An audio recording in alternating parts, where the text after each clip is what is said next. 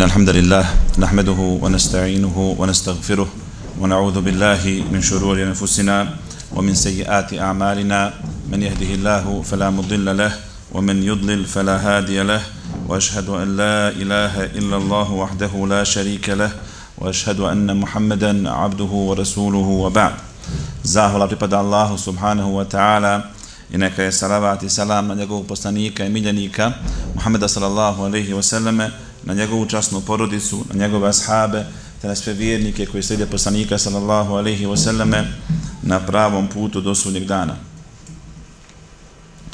Allah subhanahu wa ta'ala je čovjeka stvorio i od momenta njegovog stvaranja do momenta njegovog preseljenja s ovog svijeta mu ukazuje svoje blagodati.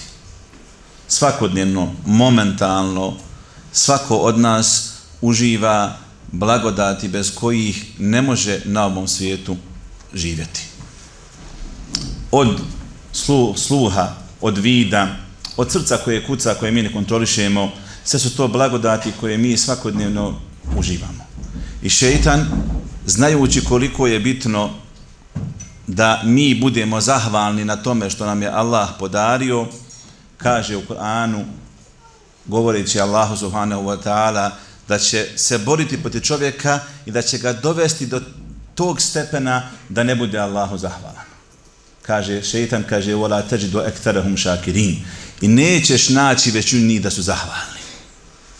Znači, cilj šeitana jeste da čovjeka dovede do tog stepena da ne bude zahvalan Allahu koji mu je podario te blagodati. Jedna od najvećih blagodati koja nam je ukazana na ovom svijetu, koja je važnija i veća za sve nas od čula, sluha i vida i svega ostalog što na ovom svijetu imamo, jeste iman u Allaha subhanahu wa ta'ala. To je najveća blagodat koju Allah može ukazati čovjeku. Najčasniji sljedbenik si na, najčasnije sljedbeništvo jeste da budeš sljedbenik poslanika sallallahu alaihi wa sallam. To je druga čast koja je čovjeku ukazana na ovom svijetu. Samo nekada čovjek nije svjestan tih blagodati koje mu je Allah subhanahu wa ta'ala e, ukazao. Zato je bitno da se insan podsjeća na te stvari. I onda postavi sebi jedno pitanje na čiji odgovor je na, na, na koje je teško dati odgovor. I čovjeka je stid uopšte o tome govoriti. Šta sam ja poslije svega što mi je ukazano uradio? Kako sam te blagodati koje su mi podarene koristio? I šta sam uradio kada je najveća blagodat u pitanju? Ako kažemo da je islam ispoznavanje vjere najveća blagodat, šta smo mi uradili po pitanju toga? Da li smo dostavili ljudima oko nas, u našem okruženju, vrijednost te blagodati? Da li smo je predstavili na najljepši mogući način? Da li smo ljude približili toj blagodati ili smo možda ne do Allahu daljali ljude od te, od te blagodati? Zar je moguće, zar je moguće da ljudi koji su na zabludi, ljudi koji su na zlu na ovom svijetu, se više angažiraju i više se trude na promociji zla od nas na promociji istine. To je doista nepojmljivo. Da ljudi se trude i ulažu svoje vrijeme i svoje živote i svoj metak na promociji razvrata i bluda i stvari koje, na koje se zdrav razum zgražava, a da vjernik stid ga promovisati istinu. Stid ga govoriti o istini. Stid možda da čak i reći da je, da, da, da je vjernik u nekom društvu ljudi koji su možda za njega, za njega elita, ali kod Allaha sigurno nisu. Zato je pitanje koje mi trebamo sve postaviti za nemoguće da sam ja u takvoj situaciji da ti ljudi rade više za svoju zabudu od mene za istinu na kojoj se nalazim. Nije bitno koliko čovjek živi, bitno je koliko čovjek od tog svog života iskoristi. Sad ibn Muad, poznati ashab poslanika, ali selam Ensarija, živio je u islamu samo šest godina. U 30. godini primio islam, u 36. preselio. U Buhari, hadis od Džabir radijallahu anhu, kaže poslanik alaihi salam, arš Allaha se potresao kada je Sa'd ibn Mu'ad preselio. Pazite, šest godina života u islamu, da je poslije njegove smrti se trag osjetio na nebesima, ne samo na zemlji. Koji je to gubitak i bio i koliko je to velikan čovjek bio. Da za šest godina u islamu ostavi takav trag. Zato se postaje pitanje šta smo mi ostavili da sad preselimo. Koliko smo u islamu? 20 i 30 godina. Šta smo iza sebe ostavili? Koji je naš životni projekat koji ćemo ostaviti za sebe koji smo radili za svoju vjeru? Svi mi imamo životne projekte koji su vezani za Dunjaluk. I za svoje karijere i za, za ono što želimo na ovom svijetu postići. Imamo tu jasne ciljeve. Ali šta je ono kada dođeš pred Allaha pa te Allah upita a šta si ti u oni 60 godina za moju vjeru učinio? Šta ćeš ti navesti? Šta ćemo mi reći? Koje je to dijelo da kažeš gospodar moj, ja sam 40 godina služio Kur'an. Imaš ljudi koji je naučio Kur'an na pamet, Hafiz postao u 20. godini i do kraja života podučava Kur'anu. Vi ste imali primjer da vidite skoro u Bosni i Hercegovini šeha Kurejma Rađiha koji je, Allah zna se, ne sjeća sam godina podučava Kur'an. 90 i nešto godina ima i dan danas podučava Kur'an. Čovjek kad strani pred Allaha to kaže gospodar moj, ja sam stotine i hiljade ljudi podučio Kur'anu. Ja sam svoj život posvetio tome. To je bio moj cilj u životu. Šta smo mi uradili? Ako čovjek nije alim pa ne može podučavati, šta je uradio? Da li ima imetak pa imetkom pokušava da nadomjesti to? Jedan kovačanin navodi, moj profesor nas fakulteta navodi priču jednog kovačanina koji zašao ugodne kad 50 i nešto godina ima, ima kad je puno imetka, ali kad čovjek nije neki vjernik, što mi kažemo običan insan, nije neki vjernik, Kaže, ali u zadnje vrijeme ja vidim, kaže, nema hajradi, on ne učestvuje. Ima on para, ali imao i prije, ali nije radio. Nije udeljivao. 50 nešto godina kaže, svaki hajr koji se pokrene u džami, neko kaže, ima nekakva, nešto se pravi džamija, centar, bunar, tu je on odma prvi. Kaže, ja ga zaustavim i pitam ga, kaže, brate moj, kaže, poznamo se godinama, znamo se 34 godina, šta se je dogodilo? pa se tako ponašaš u zadnje vrijeme, malo mi je to, drago mi, ali mi je neobično. Kaže, znaš mog babu? Moj babo je preselio i ostavio za, za sebe nas, svoje sinove, mene i mog, moji braću. I ostavio nam imetak, Allah zna, kaže, koliko nam je ostavio.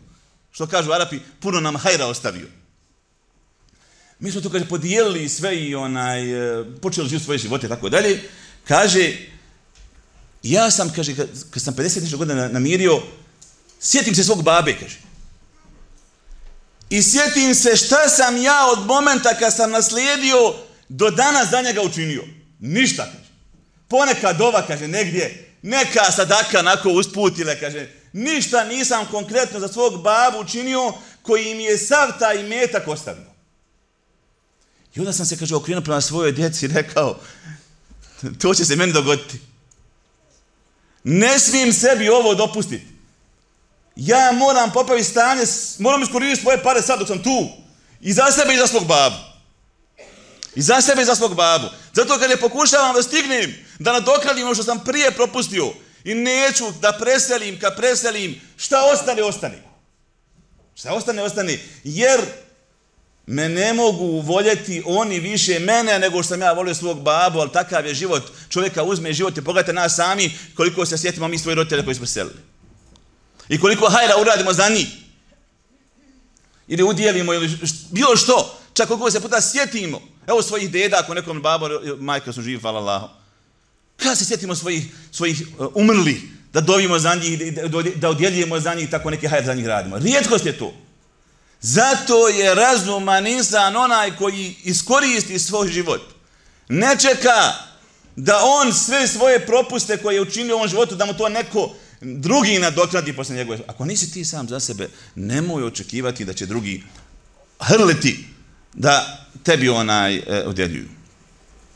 Zato je prim, pitanje Šta je neko od nas? Je li imaš znanje? Je li imaš imetak? Nemaš ništa. Imaš vremena. Imaš li vremena? Danas je vrijeme, danas je naći volontera, nekoga ko želi uraditi nešto za islam, to je kao suho zlato. Teže je danas naći volontera nego se oženiti. Ne možeš naći, i teško se ženi, to je, to, je, to je danas težak projekat. Ali ove volontere koje rade za islam, njih još teže naći.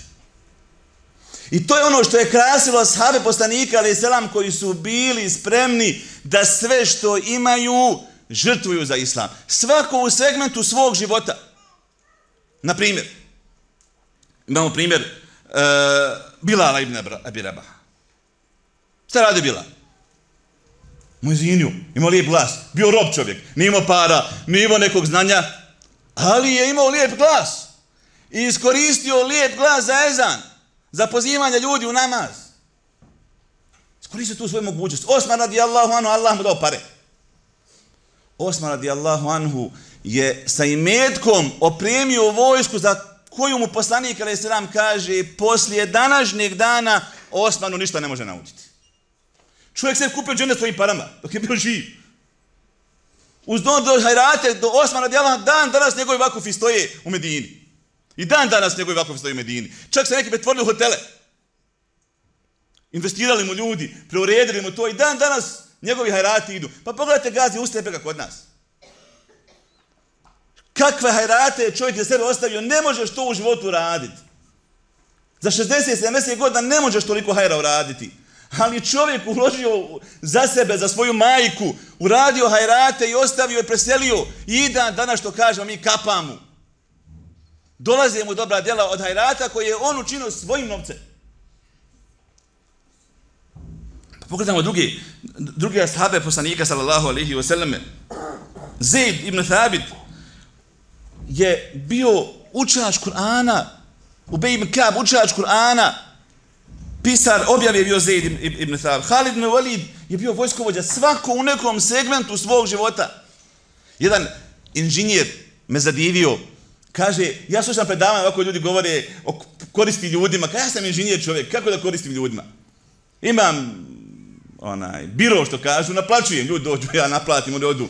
Kako da im koristim?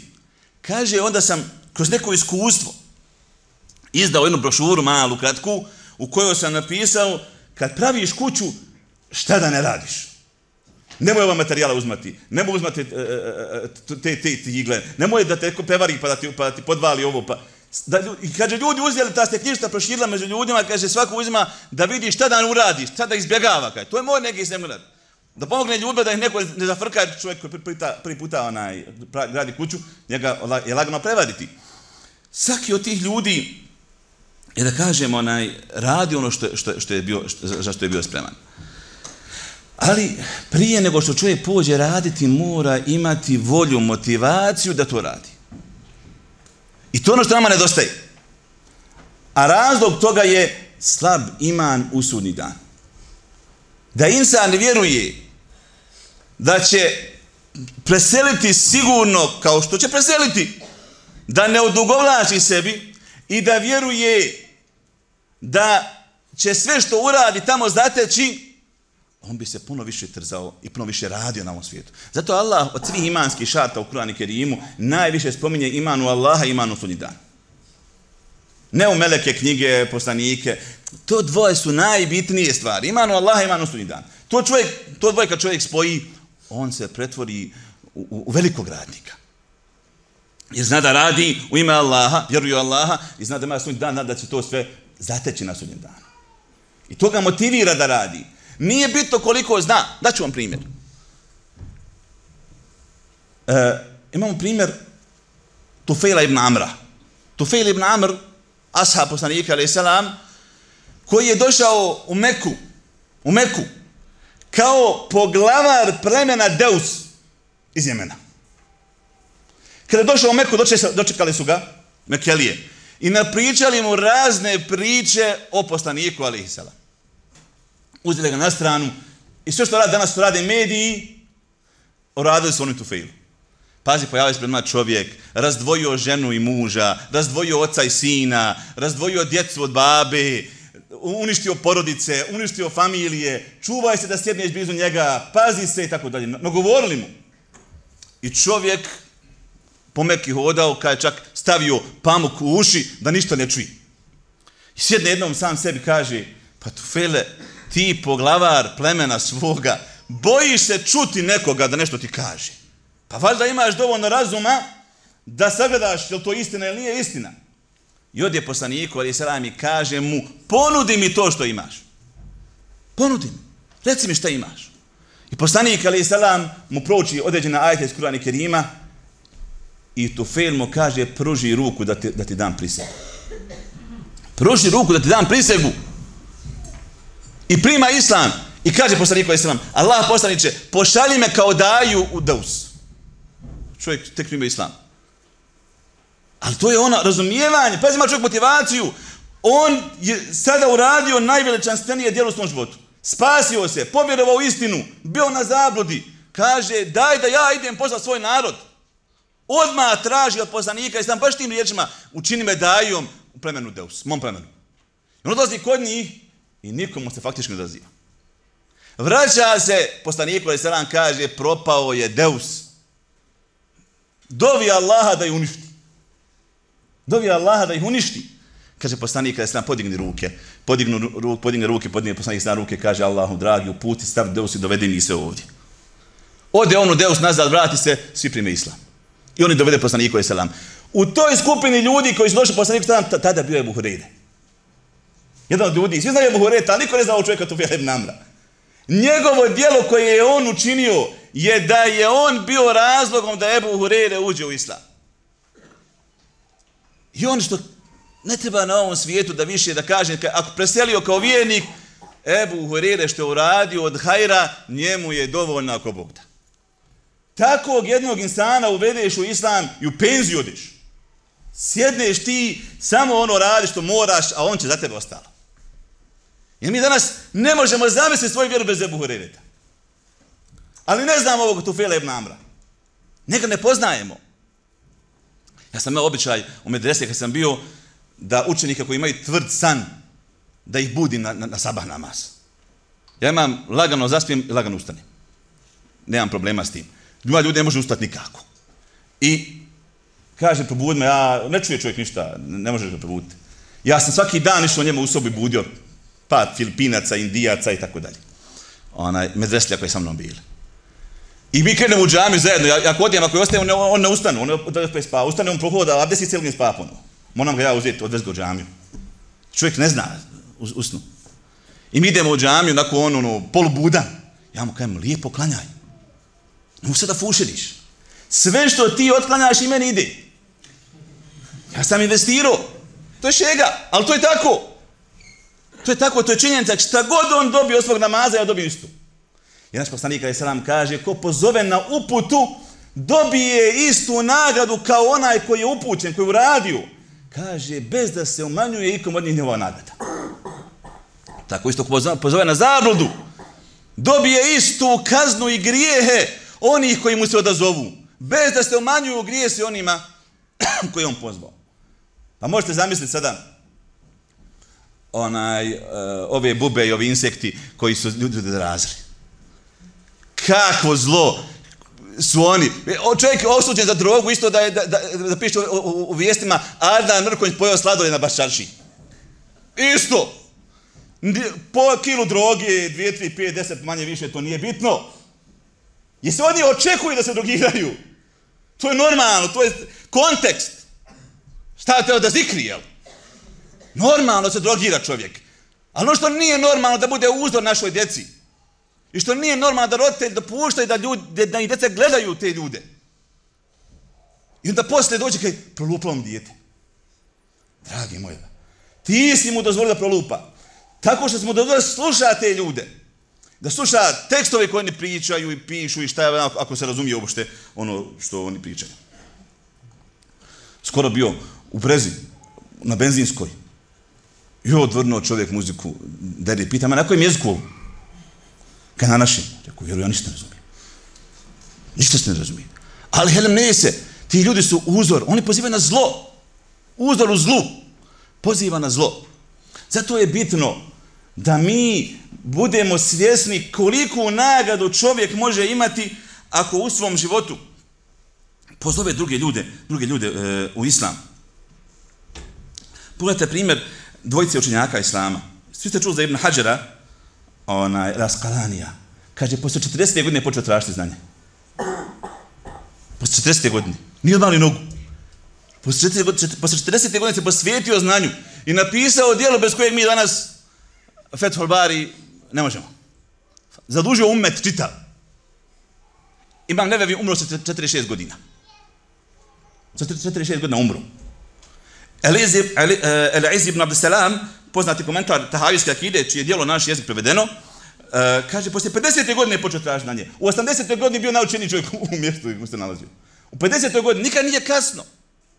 To, primjer toga su jashabi, koji su za, neki povjerovali poslanika i salam u kasnim godinama svog života, ali su zadužili umet do, do, svoje, do, svoje, do svoje smrti.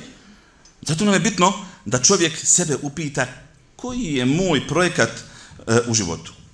Šta ja radim i šta ću ja ponuditi. Svaka, svaki roditelj ima projekat u kući. To su mu djeca. To su djeca. Naša djeca, moraš znati gdje ti djete ide, s kim se druži, s kim se slika, moraš imati uvid u Instagramu, u sve što piše, moraš imati uvid u to. Jer, inače se događaju scene da, da dotelj ne zna svoje dijete. Ne zna svoje dijete. Zato što bi dijete dobro odglumilo. Današnja djeca, što mi kažemo žargonski, su namazana. Roditelji su naivni. I često vjeruju u svoje djece. Ja radim kao nastavnik neki 20 godina. Ovo govorim iz nekog iskustva. Dok sam radio kao nastavnik u školi u Kuvajtu, imao sam čovjeka koji mi je došao roditelj sastanak i pita za svog sina Osmana. Kaže, moj sin Osman tako, tako, pošto nemaju oni puno imena, Osman taj, taj, taj, tako dalje. Ja mu kažem, otvoni dnevnik, kažem, Osman je takav, takav, takav, takav. Kaže, nije taj Osman čovjek izvedno novčanik, pokaza mi sliku djeteta. Rekao, o tome ja pričam. Kamo ne može, to nije moj sin. To nema šanse, to ne, ne ide u kontekst s mojim djetetom. Kod ja tebi kažem nešto, ali da se ne naljutiš. Ja znam tvoje djete bolje od tebe. Kaj je to skrupne riječi? To je činjenica. Rekao, ti je čovjek vjernik, tako? nemoj se vidjeti čovjek vjernik, tako? Taman. Tvoje dijete je razumno dijete, je vrlo oštromno dijete i znaš šta baba želi.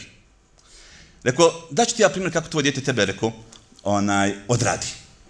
Ujutro ga ti dovedeš autom u školu, voziš se u autu i ti, tvoje dijete zna šta ti voliš, pa zikri u autu. La ilaha illallah. Zikri, zikri. Uči Kur'an, 30 tipta subhanallah, alhamdulillah, Allahu ekber, viče babi, ko kaže ovaj zikr ima takvu nagradu u džennetu, naš babi, srce, prsa, cvjeta. Izađe iz auta, pred školom, babo zađe sa autom, on skine masku. I ode u školu. E, ja vidim to dijete, ja ne vidim ono iz auta što zikri. I onda podivlja u školu, bude normalna u stvari, kakav je on u stvari u svojoj prirodi. Krši zakone, ne poštuje učitelje, ne poštuje nikoga, ne poštuje red, disciplin, ništa. I kad krene kući ponovo, maska se spusti i kaže babi ponovo selam aleikum i, i, i, i pita ga jes klanio podne maša, ja sam klanio podne, sunete sam klanio babo i tako dalje. I babo vjeruju u tu priču. Mnogi roditelji vjeruju u tu priču. Ne znaju svoju djecu u suštini. Jer se ne druže sa njima. Ne druže sa njima. Ne pričaju sa njima, ne provode vrijeme sa njima. Zato je bitno da ovaj projekat koji imamo svi u svojim kućama, to su naša djeca, bare da to uspijemo. To je minimum minimuma. Da mi, roditelji, vjernici, ovom društvu damo produkt koji je zdrav. Koji će u najmanju biti dobar za sebe. Ako neće biti dobar za drugi. Da bude dobar za sebe. Ali da bi on bio dobar za sebe, mi moramo puno truda i vremena uložiti u njega. Vremena. Poslanici su imali svoju misiju u životu. Svoje projekte u životu. Da promijeni dunja naučita. Da umjesto kufra zavlada iman. Ja znam da mnogi ljudi sad kad izađe na ulicu kažu a ne možeš se ovo promijeniti, pa vidi kako je narod djezala pa utroba, to nema šanse. Ali ja sam to jedne prilike rekao u Zenici kada je došao jedan profesor iz Kuvajta u Zenicu dole na zjarati i govorimo o stanju muslimana u našem gradu i kaže on, trebali bi raditi na, na, da se ove dvije, tri stvari popravi. Ja kažem neko šeh, vjeruj, to je teško. A neće reći nemoguće, ali vrlo, vrlo teško. Kaže on, kaže što je pesimista ba? Da je tako postanik u Meki postupao i da vjerovao da se ne može promijeniti, odmah bi pao. Ali u Meki, on sam bio i vjerovao da se može promijeniti i dogodilo se i doživjelo da je Meka pala, da je Meka se promijenila da je postala grad Islama. Ali ako ti vjeruješ, ako si poražen od početka, šta ćeš ti promijeniti? To, to nam se događa na našem privatnom nivou. Hajde uči Kur'an. Ne mogu, ja, ja, ne mogu, ne mogu. Ja imam memoriju, ja megabajt. Ja ne mogu. Pa ne može ni, ja ne mogu trčati, ja ne mogu trčati ni kilometar sada. Ali to je do mene, dotrčim da vježbam, vjerovatno bi posle pola godine mogao da trčim 5-10 km. Ali sa ovakvom kondicijom ne mogu. Tako je to razum. Ako ga vježbaš, ako, ako memorišeš, ako pamtiš, uđeš u kondiciju. I onda lakše je pamtiš, brže je pamtiš. Ja znam Hafize koji krene uči stranicu 5 sati. 5 sati uči stranicu. Na kraju Hifza uči 10 minuta. Šta je razlika? to je ta kondicija. Uigrao se, zna kako idu stvari, zna kako zapamtiti, zna na što obratiti pažnju. Na početku je to uh, vrlo, vrlo teško. Zato, zato insan treba da poštuje svakog insana koji životu nešto ostvari. Bilo koji projekat. Čovjek naučio Kur'an i Kerim, aj šta je naučio Kur'an i Kerim, da hoću ja bi. Nemoj tako. Ne bi ti. Ti ne možeš. Najmanje što možeš uraditi je poštuješ tog čovjeka. Kogod je on. Kažeš, maša, Allah ga u tom me pretekao. I po, pokazao mi moje manjkavosti. Neko radi, šta ja znam, dijeli letke po gradu. Šta ima od detaka? Ne tog ništa. On malo važava. Bilo kakav projekat koji neko radi u gradu, u društvu, opravdavajući sebe. Mi opravdavajući sebe napadamo državu prvu. Prvo su nam krivi svi koji su gore na vrhu, pa oni ispod njih, pa... Uglavnom nismo mi krivi. Mi smo žrtve, mi smo nevini, mi smo miskini koji želimo sve da uradimo, a ne, ne daju nam oni. Nikad u Bosni nije bilo ovoliko slobode da se radi za islam. Nikad. Ali, koji, gdje su radnici? Mi se čudimo kada se razvod po ulicama širi. Ne, to je čudno, to je poražavajuće za nas. Nas nema. Koliko ima nas da, da po ulicama pozivamo ljude i mi se ismijavamo sa Jehovim svjedocima koji idu po kućama i kucaju. Ama to se smiješno. Ali mi to ne radimo. Zato je ovo danas u Bosni blagodat. Malo otište po Evropi gdje ima puno prava. Otište malo. Pa ćete vidjeti kako ne smiješ pola onih stvari što smiješ u Bosni da radiš. Ne smiješ da uradiš. I su zakoni vrlo rigorozni i strogi i zabranjuju određene stvari. I onda ti su tu ograničeni. Zato mi treba da iskoristimo ovu blagodat u kojoj, u kojoj se nalazimo. Ovo je blagodat. Imaš mogućnost, imaš vrijeme, imaš sredstva komunikacije. Sva što insan može uraditi samo ako, ako onaj želi. Ostavi otisak iza sebe. Kad preseliš, da te se ljudi po hajru sjećaju. Zaduži, ljudi oko sebe. Uradi nešto da ljudi se sjećaju tebe, tebe po hajru. Jedna od najvećih stvari koje čovjek može uraditi i najvažnijih stvari koje čovjek može uraditi za svoju vjeru jeste da poziva u islam. Ja ću danas nam samo dvije stvari. Ima ih puno, ali ove dvije nama su strašno potrebne. Prva jeste pozivanje u islam tom, tim ibadetom je Allah odlikovao poslanike. Mi kad sjetimo, pa- pazi, poslanik, poslan sa uputom, poslanik je jednako daija, poslanik je jednako osoba koja poziva ljude dobro obraćaj od zla. To je poslanik. Zato mi mora da vršimo misiju poslanika koji više nema. I nema, nema Allahu dražeg ibadeta faktički poslije la ilaha od od rada za islam, pozivanja ljudi u islam naš poslanik da bi nam postavio granicu ispod koje nema ispod odgovornosti, kaže u hadisu Buharije, beli ruani walau aje, dostavite od mene makar jedan ajet. Nema muslimana da ne zna jedan ajet. Nema ga. Zato obaveza dave ne spada niskog. Svaki insan je dužan da poziva koliko. Ako neko zna 10 ajeta, njegova odgovornost je veća 10 puta onog ko zna jedan ajet. Ako neko zna 100 ajeta, njegova je odgovornost puno veća. I tako dalje. Shodno tvom znanju je tvoja odgovornost. Ali nema neodgovorni. Ne možeš se isključiti. Ne možeš reći ja nisam zainteresiran, to me se ne tiče. Jer, kao što vidjeli iz primjera, to Tufile ibn Amra, Ebu Bekra radijallahu anhu, koji je posle primanja islama odmah postao daja, postao, poziva ljude, ljude u islam, nama je su potrebna aktivacija u radu za našu vjeru.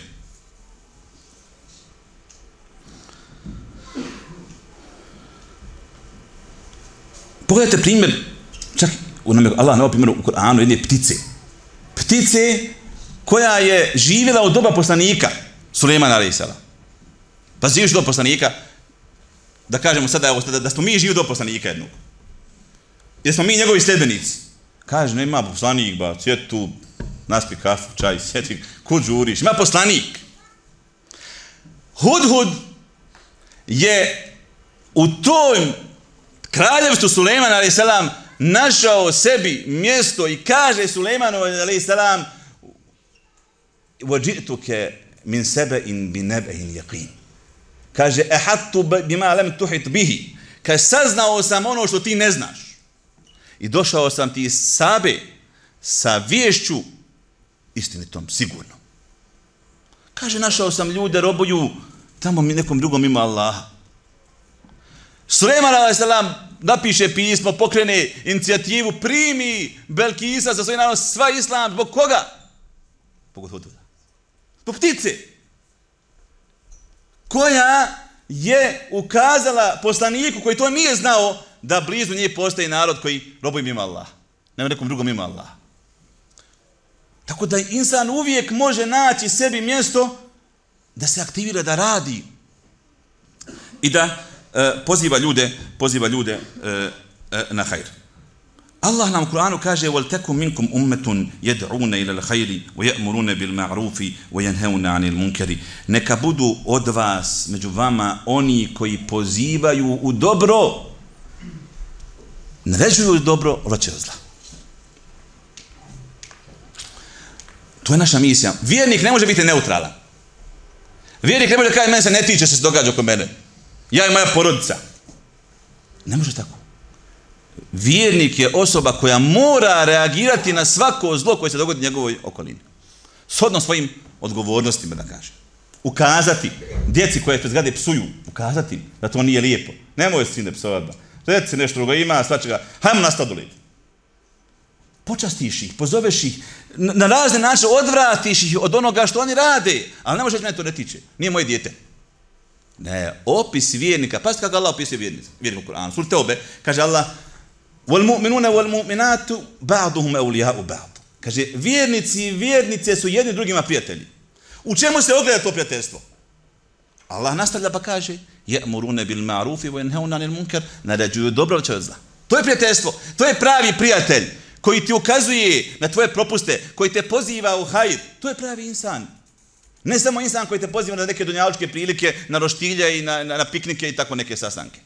Nego insan koji te poziva u hajr, koji te poziva na, na, na nešto što, što je tebi strašno potrebno, svakom od nas. Draga moja braćo, ja sam u Zencu doselio 96. godine pripita životu. Došao u Zencu. Zatekao sam tu ljude koji su vodili davu i radili za islam u tom gradu. Danas tih ljudi više nema nigdje. Većine njih. Nema nigdje. Nema nekog predavanju. Džuma je ono što moraju tu dođu i da ne moraju ne bi na džumu došli. Udaljili se. Ne je bitno ni ovo predavanje, nije bitno ni ova aktivnost, nije bitno ni ova halka, nije bitno ni ovaj des, ništa. Poslije godinu dana vidiš čovjek, čovjek zaluta u strani, nama nazoga nema i tako dalje. Neminovno je da insan obnavlja svoj iman, da insan uči, izučava, da se refrešira tako što će dolaziti na neka predavanja i na neke aktivnosti koje će ga, koje će ga probuditi. Druga stvar koju ću završiti jeste ahlak. Hajde da ponudimo našem društvu ahlak. Da li se slažete da naše društvo generalno ima krizu morala? Generalno ima krizu morala. Hoćeš da vidiš kolika je kriza morala? Otiđi pred osnovnu školu kupi sebi sok i sjedi kada je veliki odmor. Ti ići, poslušaj. Poslušaj, da vidiš u kakvom smo stanju. Nešto gore ideš u srednju školu, nego u osnovnu školu. Pogledaj što djeca psuju, što djeca pričaju, kako djeca ponašaju. Danas je misla ona imenica poslušnost roditeljima, poštivanje roditelja, uvažavanje starijih. To su misle one imenice. Sve je to nestalo. Sjećam se, a nisam star. Prije rata, za Bajram se ljubila ruka. Danas toga više nema. To je bio znak poštivanja. Ja neću reći da je znak poštivanja bio da da je žena prala mužu noge. Što je bio u mom selu običaj do rata. Nećemo u to ulaziti. Ali, da smo ljubili svojim majkama i nenama i dedama ruke za Bajram, to je bio običaj. Da smo svi radili. Ja mislim, što Bosni tako bi običaj. Danas, ono, na Vajles po selami nenu. Ne, dodira faktički. Uđe Bajram Balića nenu. Nema. Nema više, ne znaju djeca poštovati starije. Kod rapa je ostalo još ostataka toga. Kod Arapa kod Indija, kod kovačan sam živio malo duže, pa navodi njih kao primjer. Kad baba uđe u kuću s posla, svaki živi dan, sjedne u dnevni boravak i skine maramu. Znate, ima marama, ima onaj. Skine maramu, ima kapica isto marama i skine se sve stavi po sebe. Svi ukućani mimo žene moraju ga doći poljubiti ovdje. Sve njegova djeca i unuci, ako ima djeca i unuci, svi moraju doći poljubiti ga ovdje, sem žene njegove. Svaki živi dan ne može se dogoditi da babo uđe u kuću a dijete u sobi sjedi i ne stiđe po zelami babu da ga poljubi ovdje. To se ne može dogoditi. Kod nas uđeš u kuću pa kod nisi ušao.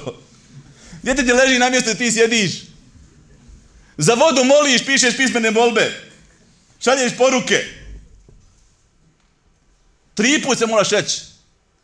Da ne kaže da se zna procedura, rituali se poznaju. Došao babo, stavljaj sofru, ti donesi ovo, ti... Ljudi se raštrkaju. Ja i je safet bili jedan put na jednom sjelu, Međusu, prije deseta godina u Kuvajtu. I čovjek na sjelu ima dva sina, 9-10 godina prilike. I ima nas na sjelu 25-30. Oni su nam sipali kafu i čaj. Nosi ove velike termoske i sipaju kafu i čaj. Komentar nas dvojice, ono, naši sa 9 godina ne, ne znaju napiti seba, da mu naspiješ, on prospe. Kaj, naspit, on ne zna, ono, da, da. Služe ljude. Uče i poštivanju starijih. I mi imamo veliku krizu morala. Svi moralnih vrijednosti generalno. Zašto je posebno zaslužan komunizam? Koji je radio na, to, na uništavanju morala kod ljudi. To je bio jedna od stavki koji je komunizam radio je rušenje morala. Rušenje morala. Zato je dolaskom komunizma umrla jedna riječ u jeziku, a zvala se sramota. Prije komunizma je sramota, si nevoj to raditi. Poslije komunizma više nije sramoti. Meni moja nena kaže, kad bi u selo, pazi, kad bi u selo ušao čovjek druge religije, razglasilo bi se po selu da žene koje su vani da uđu, da ih ne vidi ona čovjek druge religije. Nije me, kaže, nikad vidio niko. E, sad, kako je stanje danas, mi znamo, onaj, naše djece i, i, i naše generacije. Koliko su oni čuvali svoj čast i, i, i, i moral. Moramo biti svjesni da ljudi upoznavaju islam kroz nas i naše postupke i da neće ljudi ići otvarati knjige da vide je li to ispravno ili nije u islamu. Ako vide tebe da ti griješiš, pripisat će to islamu, a neće reći ode ja provjeriti je to islam pa da vidim je li ovaj pogriješio kao musliman ili je to islam. Ne, ne, ne. On će odmah da presude to dio vjeri.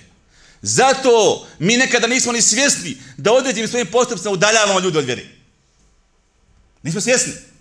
Kad prevariš pa te ljudi onaj vide da si prevario. Kada si vidio vjeru. Tako, brate, pazi. Ahlak kaže treba da srce tvoje bude obojeno bojom ahlaka a ne da bude kao šminka kod žene kad se žena oznoji, ode sva onaj e, šminka. To kod nas je to šminka, nije strž suština. I zato da saznaš pravi moral i ahlak nekog od nas, samo ga malo ljuti. onda se pojavi pravi ono, skine masku, obriše šminku i pojavi se onaj divlji čovjek koji se krije u nama. Do tog momenta osmijeh i ahlak i lijepa ponašanje, ali sve to nažalost šminka. Još uvijek kod mnogih od nas šminka. Nije suština. Nije suština. Nije srž. Znači nas ne bi mogli lagano isprovocirati. Ne bi mogli a, lagano emotivno reagirati i svašta pisati i, i, i vređati i ljudima govoriti. Zato je bitno da budemo svjesni toga. Kad ulicom hodaš, tvoj ahlak, to je islam. Kad izađeš iz kuće, ako nisi svjestan da si ti ambasador islama na ulicama ovog grada, mi smo u belaju. Mi smo problemu, jer ti ćeš praviti katastrofalne greške, a nisi svjestan da te ljudi prati. Znači, dva primjera. To sam ovdje prije, ali znači ponovno dva primjera. Prvi primjer. Ja sam imao običaj u Kuvajtu, kada djeca, kada krenemo kući, ja sam bio sad na fakultetu, možda sam medreslija koji su završili, bilo medreslija koji sam ja završio, ja njih uzmem na kraju godine školske, kažemo, idemo kući, e, kako se zoveš? Mi tu već u godinama smo vi tu zajedno, znamo se kako se zovemo normalno. Kaže, zovem se e, Semir. A kako zoveš u Bosni kad dođeš? Kaže, Semir. Ako ne možeš biti Semir u Bosni. U Bosni, ako ti u Bosni Semir, imamo problem. Kako, kakav je problem imamo? Kako se zvati u Bosni da ja? Znači se Islam Islamović. U tvom selu malom, svi ljudi znaju da ti još zahođu čovječima. Svi ljudi znaju da ti još zahođu. I ti kad dođeš u selo i kad uradiš neku grešku, sve šta hođa radi. Ne šta semi radi, šta hođa radi. I toga moraš biti svjestan da se tvoji postupci vagaju i ti si mlad čovjek. Mnogi odrasli muslimani su svjesni toga danas. Kada hoda ulicom, kada hoda po gradu, kada baca smeće, kada uh, uznemirava komšije i tako dalje, bahato se ponaša, nije svjestan da on u tom momentu udaljava ljude od vjere i ružno prezentuje islam. Ružno prezentuje, prezentuje islam. Krši pravila. Drugi primjer, ja sam uh, sa 13 godina prvi puta bio Efendija. Tako izbjegli mi tamo i u Sloveniju i nema niko da bude Efendija, mene gurali mihrab sa 13 godina. Imaju djede, bilo par djeda koji su vodili pet vakat namaza, ali kaže djedo, ja u mihrab uć živ neću. Nećete ući u mihrab, ja došao da klanjam samo onako kod dijete. Kaže mi jedna, jedna stara, zvala se Emina, zagrli me, kaže, sine moj, ako ti ne uđeš u mihrab, Efendije nema. Ovi neće ući, ja ni znam. Ja ne znam biti Efendija, kaj mi iđemo te naučiti. Samo ti uđi, pa ćemo mi te polako. Ja sam 30 godina postavim tu Efendije. I 14, 15, dvije godine tu bio kao podučavao djecu i klanjao namaze i tako dalje. I volio ga tlopte. I bio mršav tada. To se je u prošlom vremenu. Za ne povjerovat. Igrao sa Slovencima lopte. Svaku večer sa Slovencima igrao lopte. To utakmice je bilo ono isto reprezentacija, Bosna, Slovenija, svaku večer. Tu navijači, tu ljudi, tu je... Slovenci su nacija koja od dva uzdisa jedno opsuje. Dva put udahne, jedno opsuje. To su ljudi koji psuju katastrofa. Nacija, znači, dala sačuva. Ja sam tu bio, igrao lopte sa njima i slušam to kako psuju i ja znam šta rade već. I jedne prilike, jedna šansa, ja promašim go. Kaže mi jednu ružnu riječ, nisam opsuo, jednu ružnu riječ. I završio utakmica, ništa, ja e, otišao u, u izbjelički kamp, okupao se i idemo na, imamo sada mejtef na večer, učimo, učim djecu. Ima jedna curica mala, zvala se Merijem, ko, ko Merijem, hajmo, kada ja danas neću doći. Zašto Merijem? Kaže, bio sam danas na igralištu, rekao si ružnu riječ na igralištu. Pazi, atmosfera na igralištu, znači, to je ceremonija, e, festival psovki. Ja sam rekao konje, ili tako nešto slično, taka jednu ružnu riječ. Ona je to zapamtila, jer sam ja to rekao. Jer to od mene ne očekuje. A od se svi očekuje da to, da to je njihovo normalno ponašanje. Zato mi moramo biti svjesni da takvo ponašanje nas odvraća ljude, odvraća ljude e, od islama. Moramo svojim ahlakom i dijelima potvrditi ono što već tvrdimo godinama, godinama riječima. Da ću vam primjer koliko je ahlak bitan i ti ćemo završiti.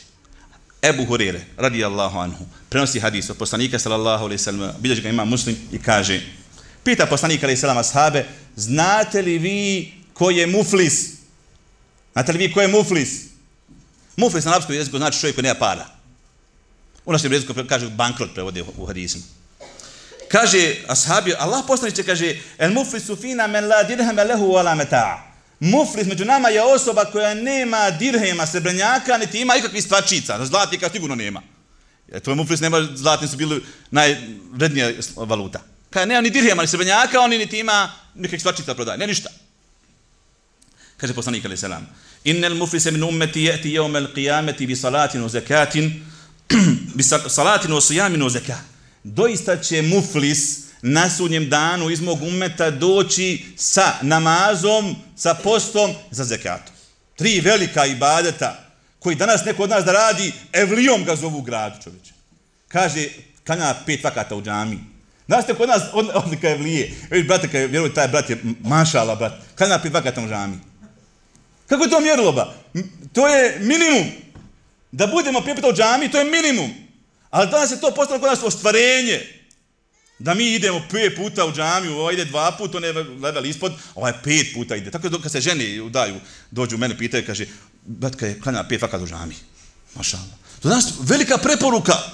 Znači, to je veliki vjernik danas, ono, baš vjernik. Kaže, došao, doći će na svojem danu sa postom, sa namazom, postom zeka. Pasite, dragom braćo, doći će na sudnjem danu, nekim rivajetima stoji da će zateći svoja djela kao bijela brda. Znači, Allah mu kabulio, doće, zateće, radio, Allah mu primio. Šta je belaj tog muflisa? Kaže naš poslanik, alaih salam. Kaže, وَيَأْتِي قد شتم هذا وقذف هذا وأكل مال هذا وسفك دم هذا وضرب هذا doći će na sudnjem danu, kaže poslanik alaihi salam, a uvrijedio je ovoga. Pazi, uvrijedio je ovoga. Ukaljao čast onoga. Pojao je metak onoga. Udario onoga. I prolio krv onoga. Pet stvari. Svih pet stvari su odnos stvorenja međusobno. Naša vjera se sastoji od dva temelja. Prvi je naš odnos sa Allahom, to su namaz, poz, zekat, hađi, učenje Kur'ana i sve to i to je hajlija, dobro za tebe. Zikriš za tebe, postiš za tebe, zekadaš za tebe, hađ za tebe. Ali ima drugi dio naše vjere koji mnogi ljudi zanemaruju i smatraju ga nebitnim, a taj dio vjere je naš odnos međusobno, stvorenja za stvorenjima. Koliko je bitan Bita ta relacija govori ovaj hadis.